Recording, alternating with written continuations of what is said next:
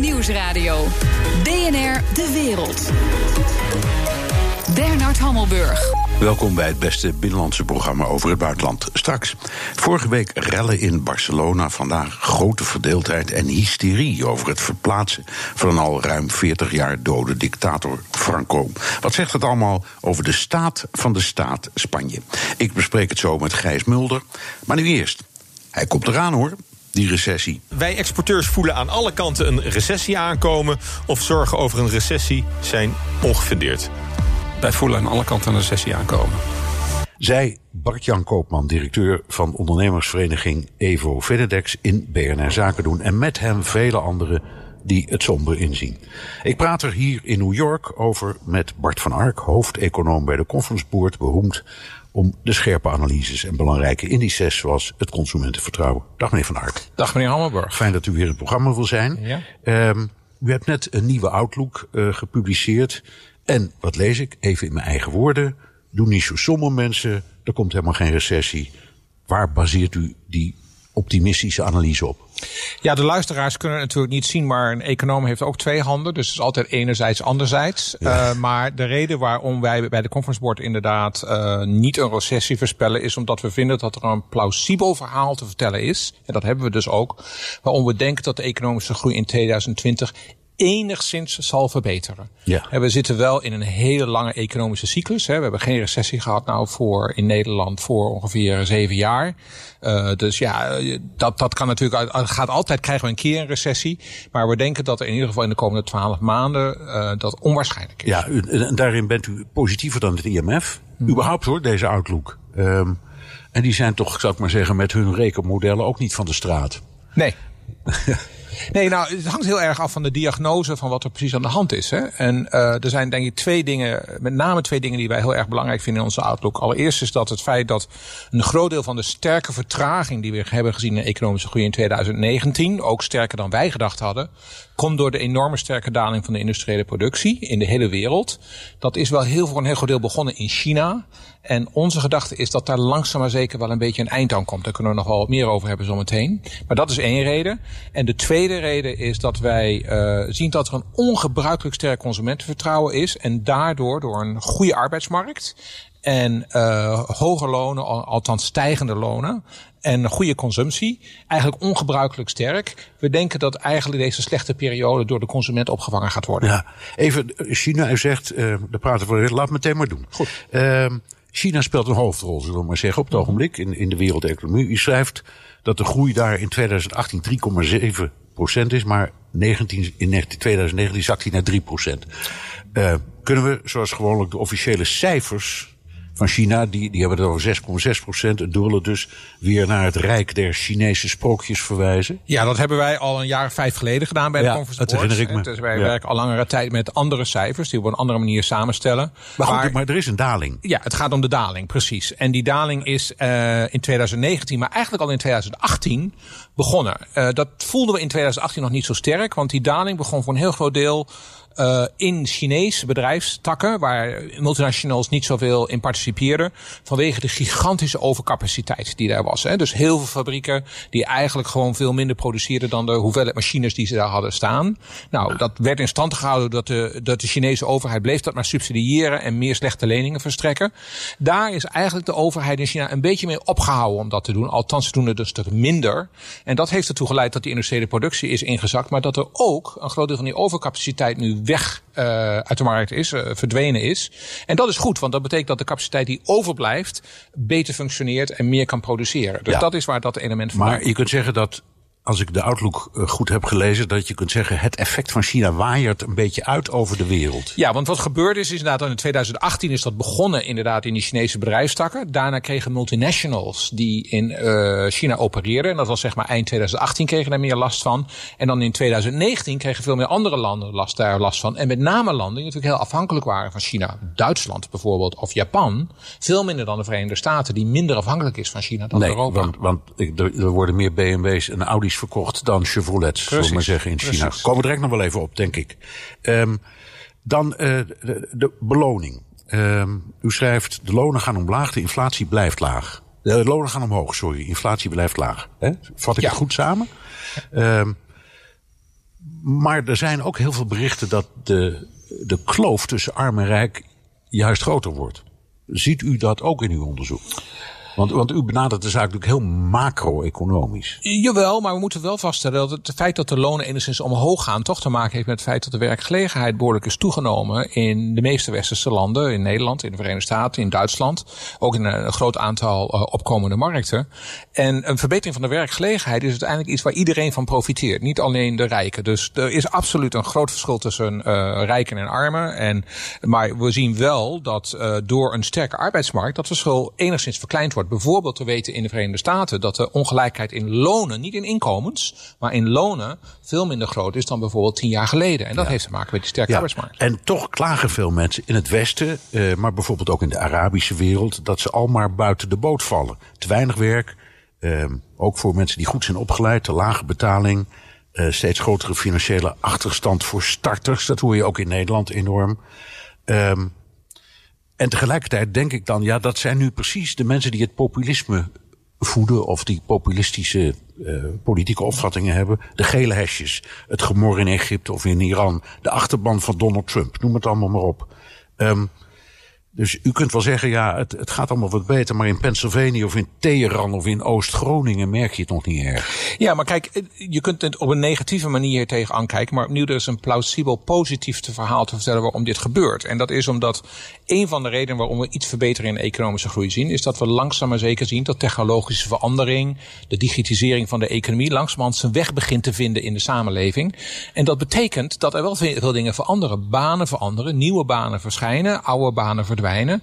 Mensen moeten dus veranderen. En veranderen is nooit leuk. U vindt dat niet leuk, ik vind dat ook niet leuk. Um, um, en daardoor voelen mensen wel heel erg veel onzekerheid in die verandering. Het is daarom ook zo belangrijk dat overheden wel heel veel aandacht besteden aan innovatiebeleid, aan zorgen dat structuurbeleid en onderwijs zich breed verspreiden over de samenleving, zodat mensen kunnen veranderen en zich kunnen aanpassen aan de nieuwe omstandigheden. Ja, uw uh, misschien wel beroemdste index, althans uh, zoals we u kennen, is het consumentenvertrouwen. U noemde dat al uh, even. U zegt dat is behoorlijk hoog. Hoe verklaart u dat hoge consumentenvertrouwen? Want die consument kijkt in het algemeen met groot verstand om zich heen.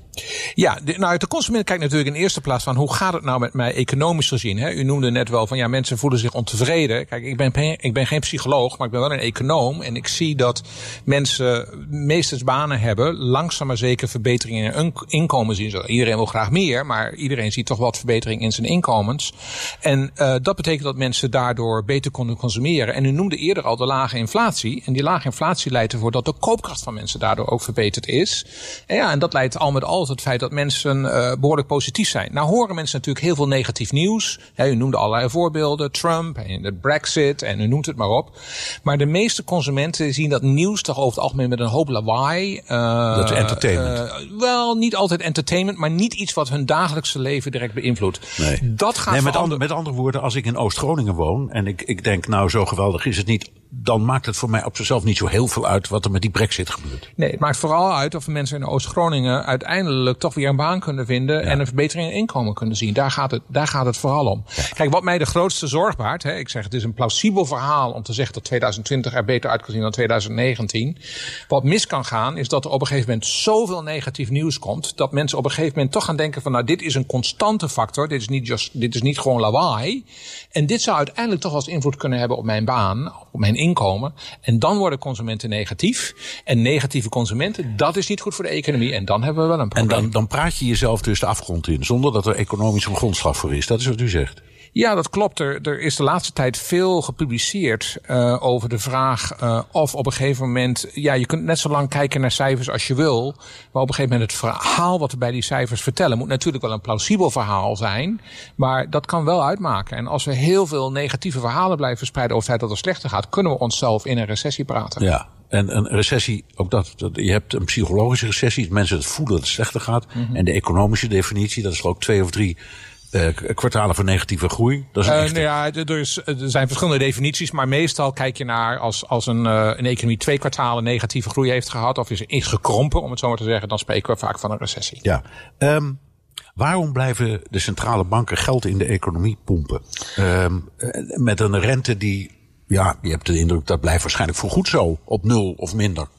Ja, vergoed dat weten we natuurlijk nooit. Maar uh, ja, ik denk dat, kijk, lange tijd is monetair beleid sinds de financiële crisis in 2008 is monetair, uh, monetair beleid lange tijd het enige instrument geweest dat gebruikt kon worden om de economie enigszins een bodem te geven op basis van waar het weer enigszins kon gaan groeien.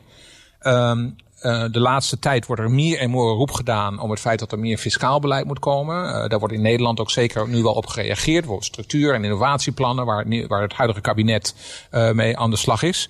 Maar als je dat wereldwijd bekijkt, dan is het toch nog steeds heel erg mager. Dus ja, de monetaire autoriteiten die stappen dan in en zeggen van nou laten we maar weer hetzelfde doen als wat we in het verleden deden. Dat ze nog meer, nog meer liquiditeit inpompen en nog lagere rente voegen. En meer smaken maar, zijn er niet hè, voor centrale Nee, en banken. uiteindelijk helpt dat niet zo ontzettend veel. Dus één, één terrein waar het wel enigszins helpt. Uh, en dat is dat daardoor de uh, hypotheekrente wat naar beneden gaat. En dat maakt uh, daardoor het aantrekken van woningen iets aantrekkelijker. Maar dat is ongeveer het enige. Oké, okay, zo dadelijk.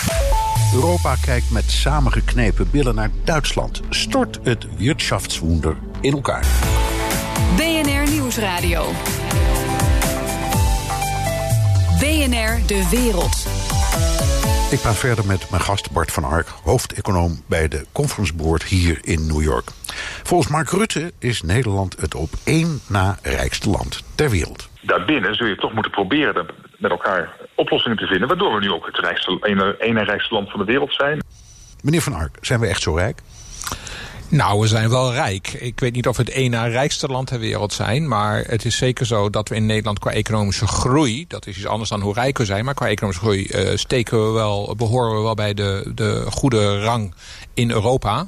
Uh, wat wel iets minder gaat in Nederland op dit moment is de productiviteitsgroei. Dat is opnieuw wel een Europees probleem. Maar gaat in Nederland zelf nog ietsje slechter.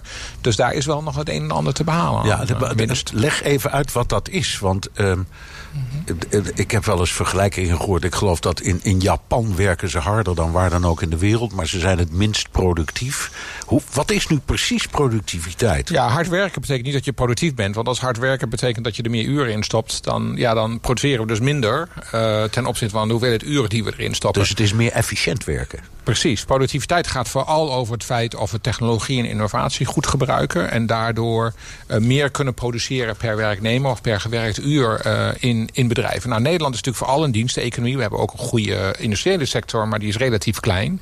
In diensten is het niet altijd makkelijk om productiviteit snel te verhogen. Maar juist digitisering geeft je wel heel veel mogelijkheden in, in de diensteconomie.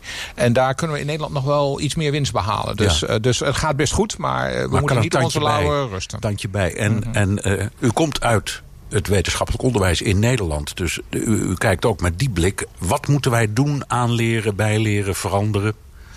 Nou, opnieuw, het is een probleem wat niet alleen Nederlands is. Iedereen heeft dat probleem. Maar de, de dingen waar je vooral aan moet denken bij, bij digitisering... is het toch zorgen dat je onderwijssysteem flexibel is... snel kan reageren op nieuwe ontwikkelingen. Dat bedrijven en overheid en de onderwijssector... intensief met elkaar samenwerken. Hè, door bijvoorbeeld uh, leerplekken en allerlei van dat soort dingen. Dus dat zijn echt allemaal belangrijke dingen... waar we in Nederland best nog wel het een en ander in zouden kunnen verbeteren. En wat verder wel belangrijk is... is dat de overheid uh, toch een, een beleid neerzet waar uh, geïnnoveerd kan worden in uh, sectoren die relatief sterk zijn in Nederland. He, we hebben de watersector, we hebben de, de, de levenswetenschappen en, en dat soort sectoren. Waar we, waar we nog zeker winst kunnen boeken in termen van ja, meer economische kracht genereren, meer investeringen doen. Ja, rijk betekent vaak veel export, hè?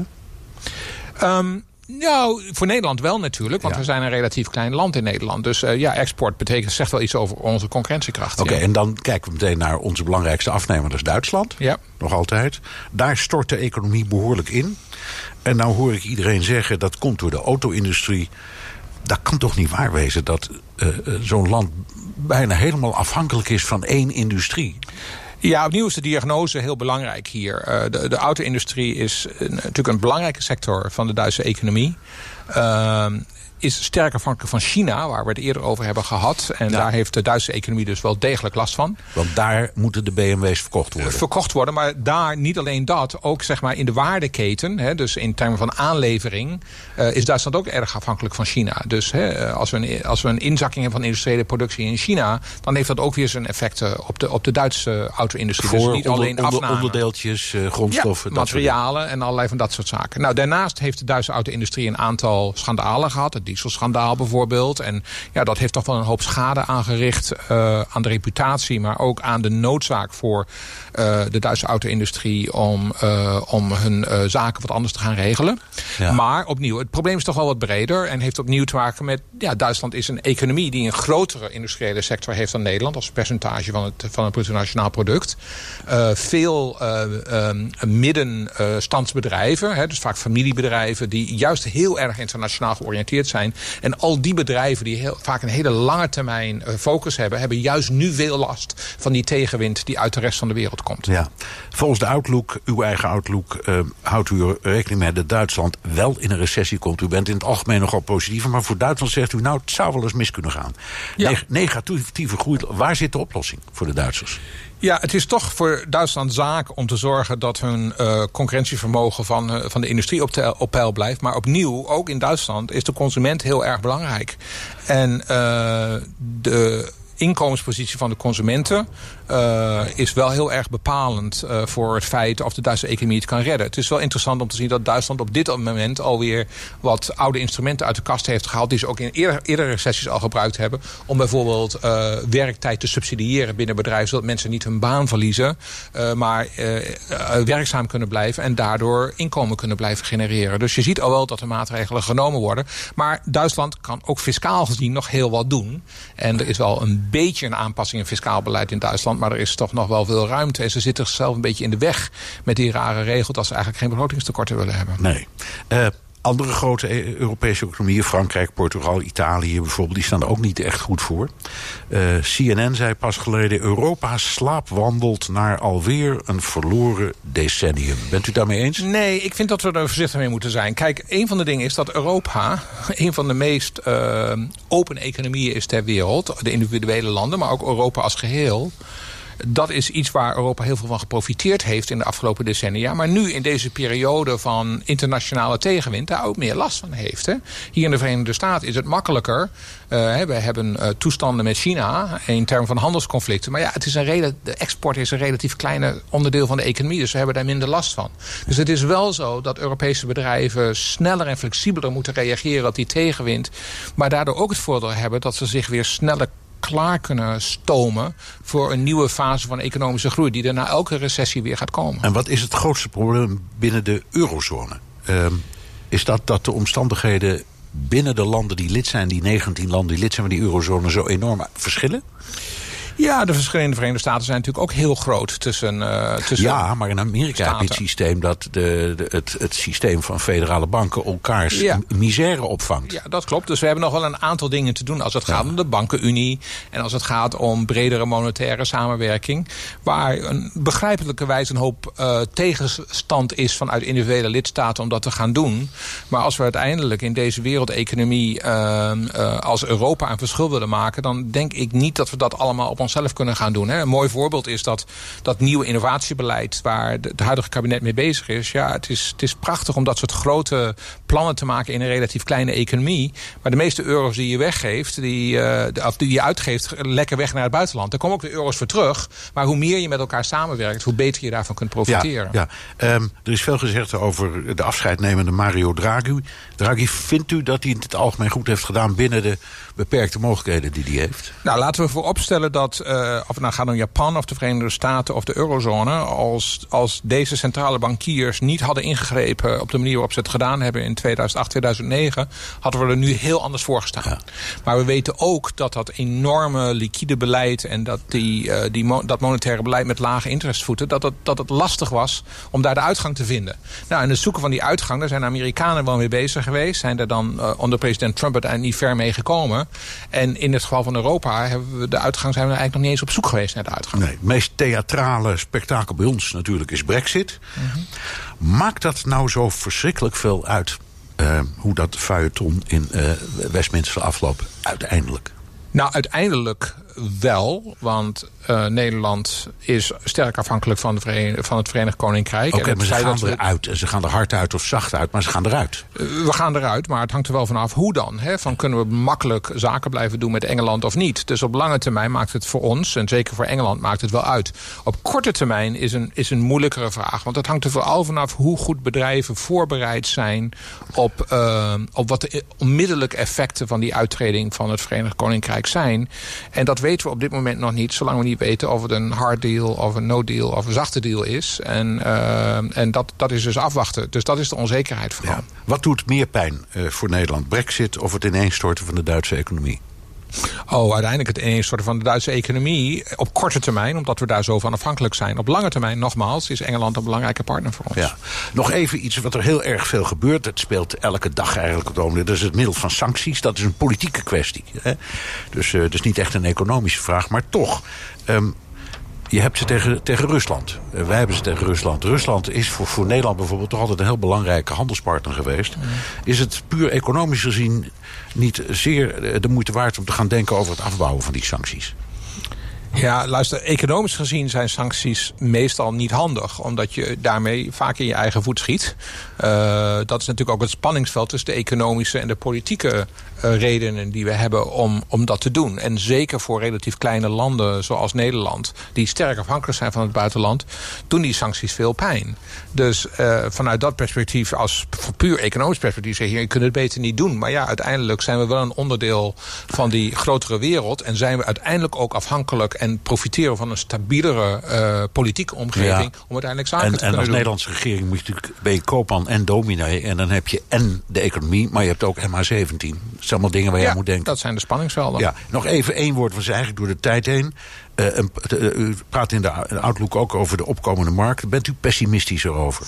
Nou, de opkomende markten zullen juist volgend jaar is zelfs nog iets meer herstel laten zien. En dat komt vooral door het feit dat die industriële producties weer uh, een beetje de bodem begint te bereiken. En misschien zelfs weer kan aantrekken. En dat is voor, voor die opkomende markten nog belangrijker dan voor ons. Omdat de industriële sector veel groter is in die landen. Een uh, uiteindelijk toch redelijk optimistisch verhaal. We hopen het beste. Ja. Bart van Ark, hoofdeconoom bij de Conference Board. Heel hartelijk dank. BNR Nieuwsradio. BNR De Wereld. Bernard Hammelburg. Sandro Gozi is zijn baan kwijt. Deze Italiaan was staatssecretaris in eigen land, maar ging daarna zowel de Franse premier als de premier van Malta adviseren. En dat zijn meer petten dan er op één hoofd passen. Een politieke rel die duidelijk maakt dat er grenzen zijn aan de Europese ambities van de Franse president Emmanuel Macron. Europa-verslaggever Jesse Pinster. Laten we beginnen bij die verschillende petten. Op welk punt werd het een probleem dat hij meerdere Europese premiers adviseerde? Afgelopen maandag, toen er twee kranten waren, Le Monde en The Times of Malta, die onthulden dat hij de premier in Malta ook adviseerde. Tot die tijd was dat helemaal niet bekend. Tot juli 2018, toen was deze Gozi staatssecretaris van Europese Zaken in Italië, de regering van Renzi. En daarna ging hij dus gelijk aan de slag voor de Maltese premier Jozef Muscat. Dat kan natuurlijk gewoon. Je kan je afvragen of je dat moet willen. Want deze premier heeft toch van Malta een beetje een belastingparadijs gemaakt. Deelt wat gouden visa uit aan rijke Chinezen. Loopt niet heel hard als het gaat om uh, zorgen dat er nou eens een keer een echt grondig onderzoek gedaan wordt naar de moord op de journaliste Gali, uh, Caruna Galicia, die daar uh, vermoord is. Maar goed, dat is een keuze. En het werd dus pas echt weer een probleem toen hij augustus dit jaar besloot om ook de Franse premier Edouard Philippe te gaan adviseren.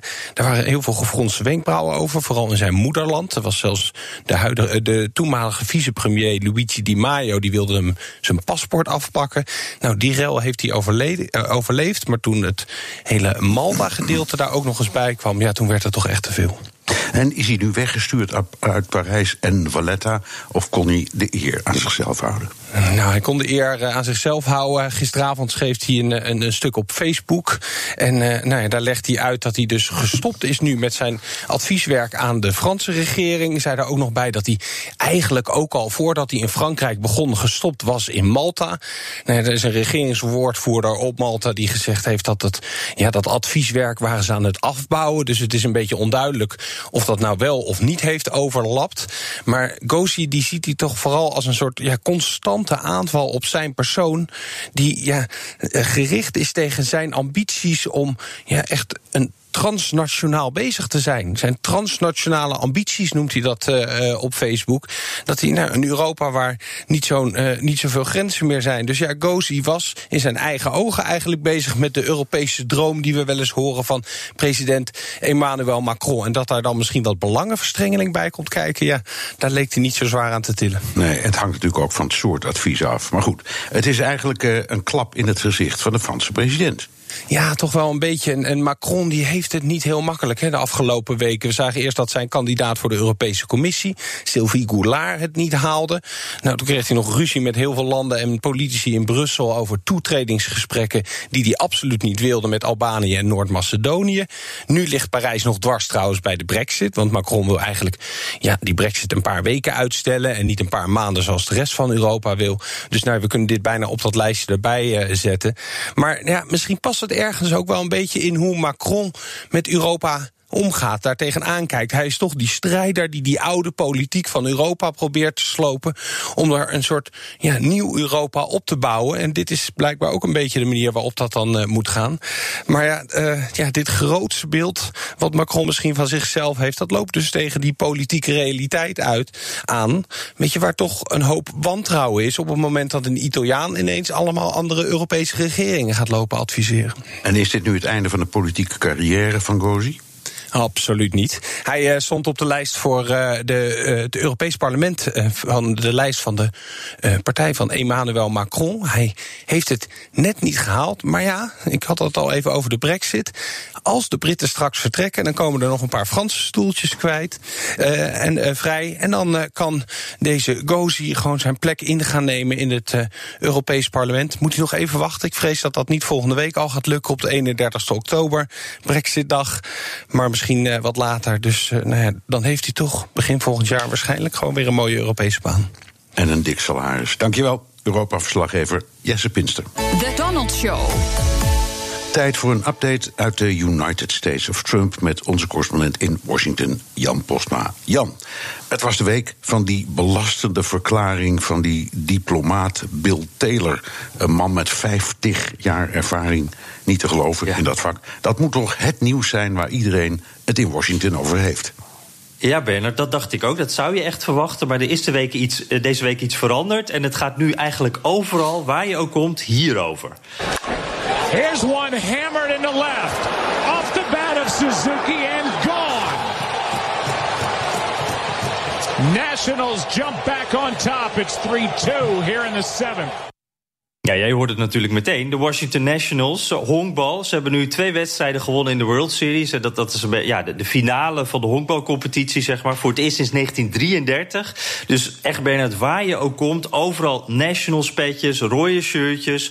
Uh, bij de bushalte, in het park. Iedereen heeft het over, die, over, over honkbal. En, en dat ja. is wel lekker. Het geeft een beetje relativering. Want het gaat dus voor het eerst in lange tijd niet allemaal om Trump hier. En volgens mij en, vinden mensen dat ook wel lekker. Ik hoorde de naam Suzuki Suzuki in het uh, radiocommentaar. Hoe, ik vraag ja. me af hoe Trump daar tegenaan kijkt. Zo'n enge vreemdeling, ja. maar oké. Okay. hij, hij, hij, komt uit Hawaii. Oh, okay. ik dacht nou, ook, dan... dat is vast een Japanner, maar Hawaii mag Maar nee hoor, oké. Okay.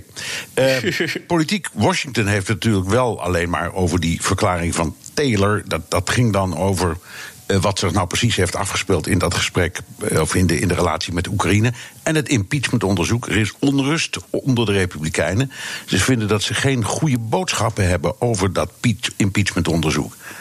Ja. Ja, klopt. Ze, ze, hebben daar echt wel wat kritiek op intern. Dus dat lekt dan zo een beetje. Ze, ze zijn eigenlijk er wat geïrriteerd over dat ze niet echt een tactiek hebben. Uh, Mark Meadows bijvoorbeeld, congreslid, heeft al meerdere malen uh, het Witte Huis om meer informatie gevraagd. Om argumenten de, die hij kan gebruiken om de president te verdedigen. Lindsey Graham hebben we het heel vaak over hier, hè, die Trump-bondgenoot. Uh, die soms ook zijn eigen koers gaat op buitenlandgebied. is ook heel kritisch. Die werd letterlijk gevraagd: moet het Witte Huis dit beter doen? ja, zei hij toen alleen een beetje beetje, een beetje, beetje bozig. En het probleem is eigenlijk, de verdediging in de media is eigenlijk een one-man band. Hè. Het is Trump die alles in zijn eentje doet. Dat werkt ook met zijn tweets. Hij heeft enorm bereik. Iedereen heeft het er altijd over. Maar niemand is voorbereid op wat hij nou weer gaat zeggen. Dus als Trump bijvoorbeeld eh, impeachment met lynchings eh, vergelijkt, nou, dan schrikken Republikeinen daar ook van. Want ja, dat moeten ze gaan verdedigen. En ze zagen dat niet aankomen. En het ene, ene moment verdedigen ze dat, het andere moment ja, zegt hij weer wat anders. En dan staan zij weer een beetje in hun hemd. Dus zij willen meer coördinatie. En ja, het lijkt een heel klein beetje te komen met bijvoorbeeld dat indringen eh, in een hoorzitting. eh, ge- eh, ja, daar hebben we het vanochtend over gehad in de ochtendswits. Boze Republikeinen zijn zo'n zaal binnengedrongen. Nou, dat, daar waren Trump en de Republikeinen het allemaal eens. En die wisten ook van elkaar dat ze dat gingen doen. Ja, maar hij krijgt hulp uit onverwachte hoek. Ja, Steve Bannon, Bernard. die naam kennen we nog, hè? Terug van weg Ehm, geweest. Ja, zeker, dat is het precies. Die voormalige topadviseur uit het Witte Huis werd eruit geschopt na ruzie met Trump. En Bannon die ziet dit allemaal eigenlijk met ledenogen aan. Hij zegt dit is een dodelijke bedreiging voor Trumps presidentschap. Maar we nemen het allemaal niet serieus genoeg. Er moet meer gebeuren om tegen die democratische mediacampagne op te kunnen. Hij noemt het echt een geoliede machine. En zijn, zijn handen jeukten. Hij wilde ook wat doen. Dus begint hij een dagelijkse podcast. En dat klinkt zo. We're going to go all the way through seven days a week until Donald J. Trump is acquitted by the United States Senate in his impeachment trial. And we anticipate, at least everything has been forecasted today, that that will take place sometime around Christmas Eve or the day before Christmas Eve. Ja, dus Bannon doet ook meteen een voorspelling. Voor de kerst is de afronding van het proces. En tot die tijd gaan wij door. Uh, en, en die podcast is eigenlijk voor Trumpers die op zoek zijn naar precies naar wat we net noemden. Naar strategie, naar argumenten. En dat kan dus voor ons ook een mooi kijkje in de keuken zijn. Dat is heel interessant. Had meteen ook wat tips. Uh, hebben het niet steeds over de deep state. Daar heeft uh, Trump het vaak over. Hè. Dat is alleen maar demotiverend voor mensen. Want als iedereen inderdaad in de regering tegen Trump is, wat kan je dan nog? Dan kan je nog net zo goed niks meer doen. Uh, allemaal dat soort praktische informatie. Ik ga het volgen. En uh, ja, het is een beetje een, een potentiële concurrent hè, voor de Amerika-podcast. Dus we moeten het wat in de gaten houden. Ja, ja, zeker. Nou, ja, misschien moet ik je uitnodigen, joh. Ehm, Ja, goed idee. ja, eh, ik dacht dat Steve Bannon zijn schepen had verbrand in Washington. Ja, nee, dat, dat, is, dat is ook gewoon zo. Hij, hij uh, had ruzie met Trump. Uh, iedereen die, die heeft hem een beetje uitgekotst hier in Washington. Maar hij, hij blijft op zoek naar invloed. Dus hij, hij was in Europa, hè, in Italië. Nou, daar, daar is hij blijkbaar weer even klaar. Is ook niet helemaal gelukt daar allemaal. Uh, maar ja, dat Witte Huis komt hij niet meer in, dat weet hij. Dus nu doet hij het met een paar oude bekenden. Dat is Raheem Kassam, dat is een voormalig hoofdredacteur van Breitbart. Waar, ja, in de, de UK. website, waar, ja. Ja, klopt. Waar Bannon zelf ook vandaan komt. En Jason Miller, dat was de, de mediaman van het Trump-transitieteam. Dus hij grijpt een beetje uit die succesvolle periode terug. En ze doen het vanuit de kelder van die stadsvilla... van waaruit Breitbart ook lang werd gerund. En waar Bannon ook lang woonde. Dus uh, is even weer terug naar zijn oude roots. Ik ben er wel eens binnen geweest. Time Magazine met, met Bannon uh, op de koffer. Die lag daar op tafel. Donkere ruimte, wordt altijd een beetje geheimzinnig over gedaan. Daar is Bannon nu dus weer terug. Dankjewel. Jan Postma, correspondent in Washington. En zo dadelijk, vorige week rally in Catalonië. Vandaag emotie en verdeeldheid over het verplaatsen van het lichaam van een al meer dan 40 jaar dode dictator. Wat is er aan de hand met Spanje?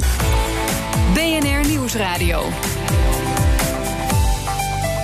BNR De Wereld. Vorige week was Spanje nog in de ban van gewelddadige demonstraties in het onrustige Catalonië. Vandaag gaat alle aandacht uit naar een dictator die al meer dan 40 jaar dood is.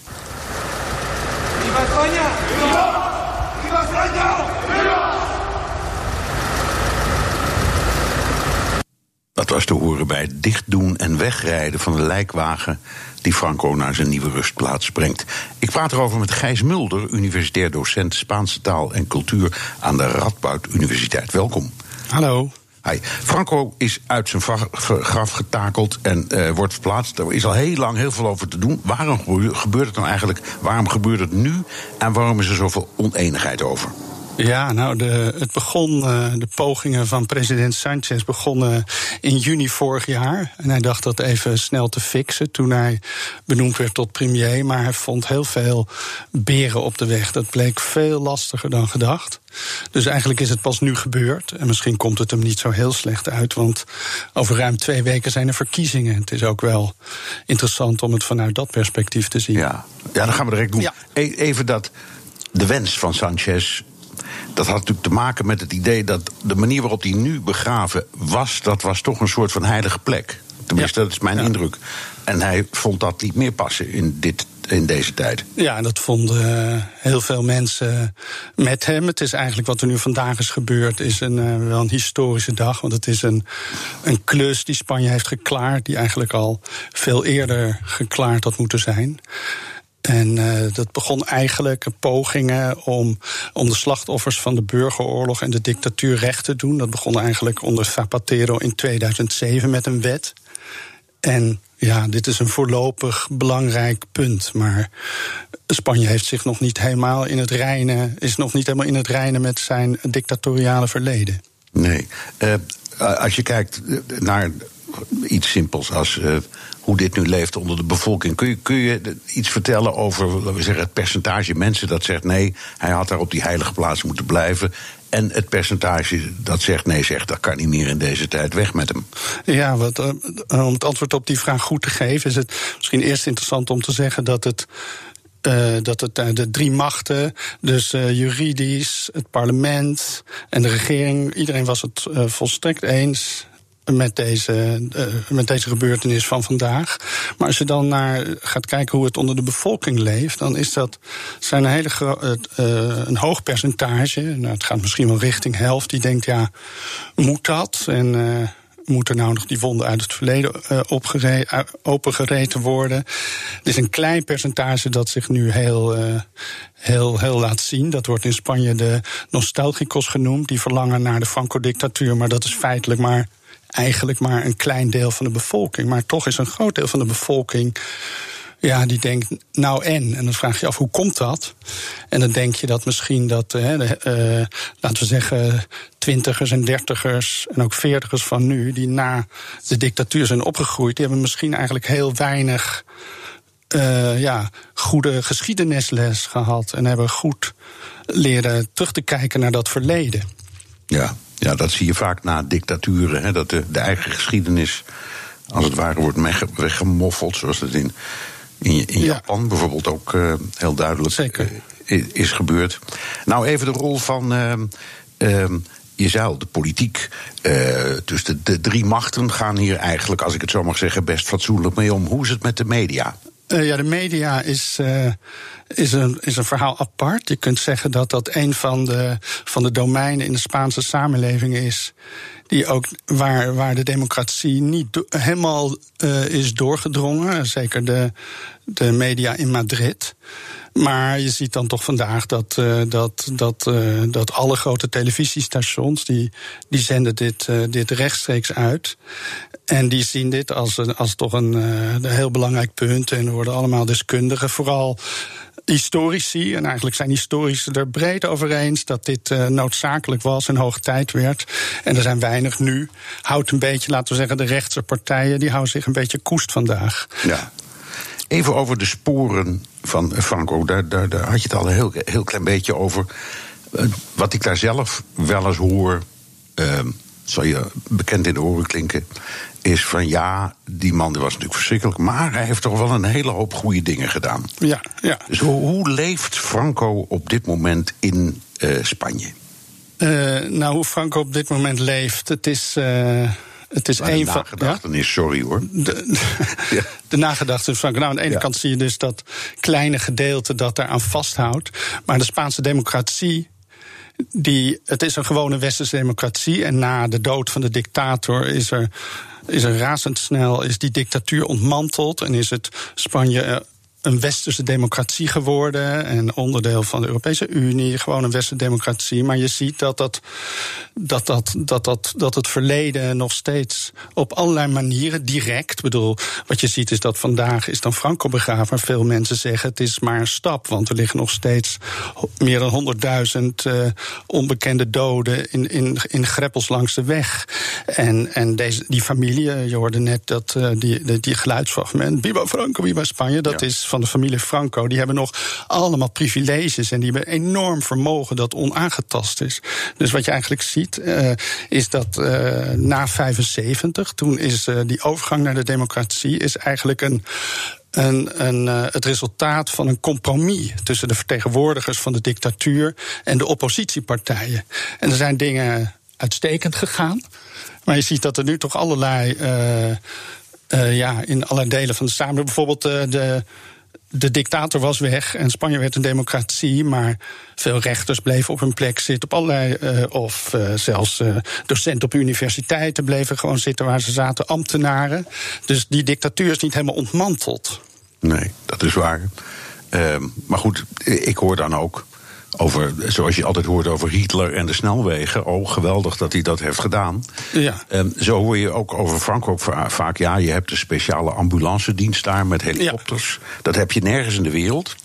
Ja, dat, ja, dat is zo'n klassiek, uh, klassiek argument. Het is dan een, een detail van ja, was allemaal, het was een totalitaire dictatuur. En hij zal inderdaad ook van alles slecht hebben gedaan. Maar, zeggen zijn, die, uh, uh, zijn, zijn fans, die er dus nog steeds zijn, die beginnen dan over een paar van die dingetjes. Maar ja. ja. Ja. ja iedere dictator heeft wel iets goed gedaan. Ja. Oké, okay, je zei het al. Uh, Sanchez, ja, mag ik het zeggen, gebruikt dit. Er zijn op 10 november verkiezingen.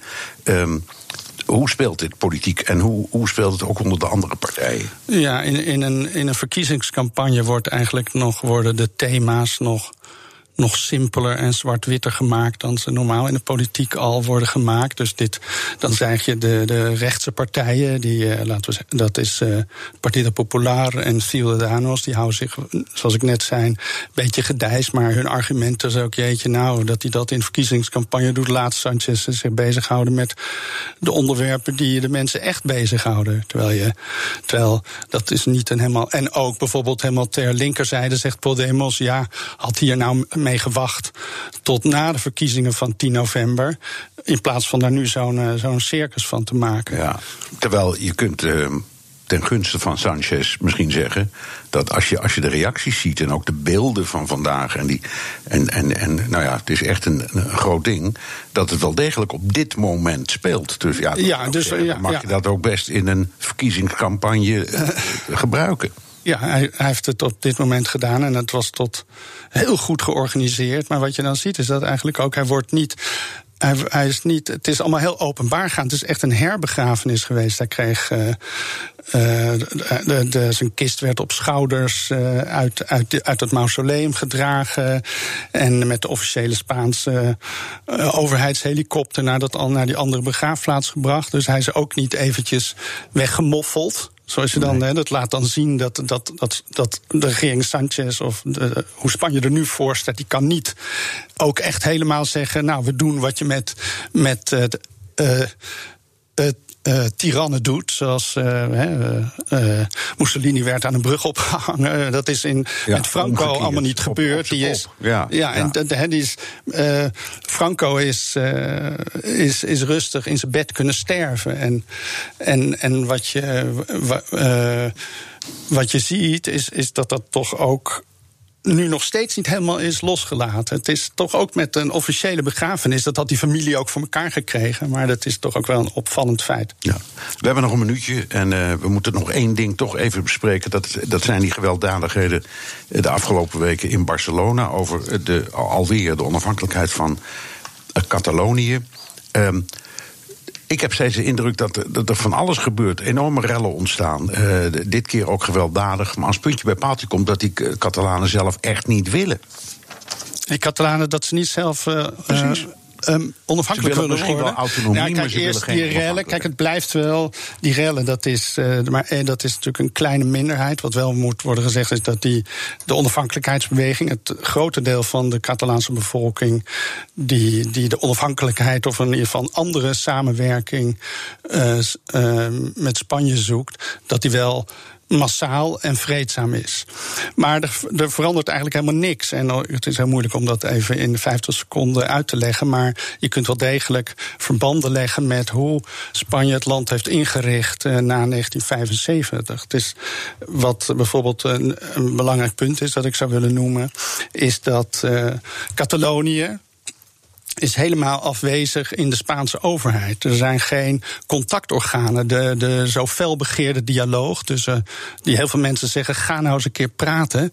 Daar is geen enkele traditie in. Er zijn ook geen instituties of organen die daarvoor geëigend zijn. Nee. Dus de inrichting van Spanje, zoals die na de dood van Franco is gemaakt, die is niet uh, die, die is niet ingericht om verder te gaan dan Nee. het huidige stelsel. Het is heel centralistisch, bijna zoals de Fransen dat hebben met Parijs. Dat het overal altijd voor het zeggen heeft. Het is centralistisch, maar, maar, maar Spanje heeft nooit echt eh, ervoor kunnen zorgen dat het, het land één eenheid was. En dat iedereen zich schaart achter de vlag. Of dat iedereen zich schaart achter een soort element dat, dat voor, alle, voor alle Spanjaarden geldt. Dank. Gijs Mulder, universitair docent Spaanse taal en cultuur aan de Radboud Universiteit. En tot zover BNR De Wereld. Terugluisteren kan via de site, de app, iTunes of Spotify.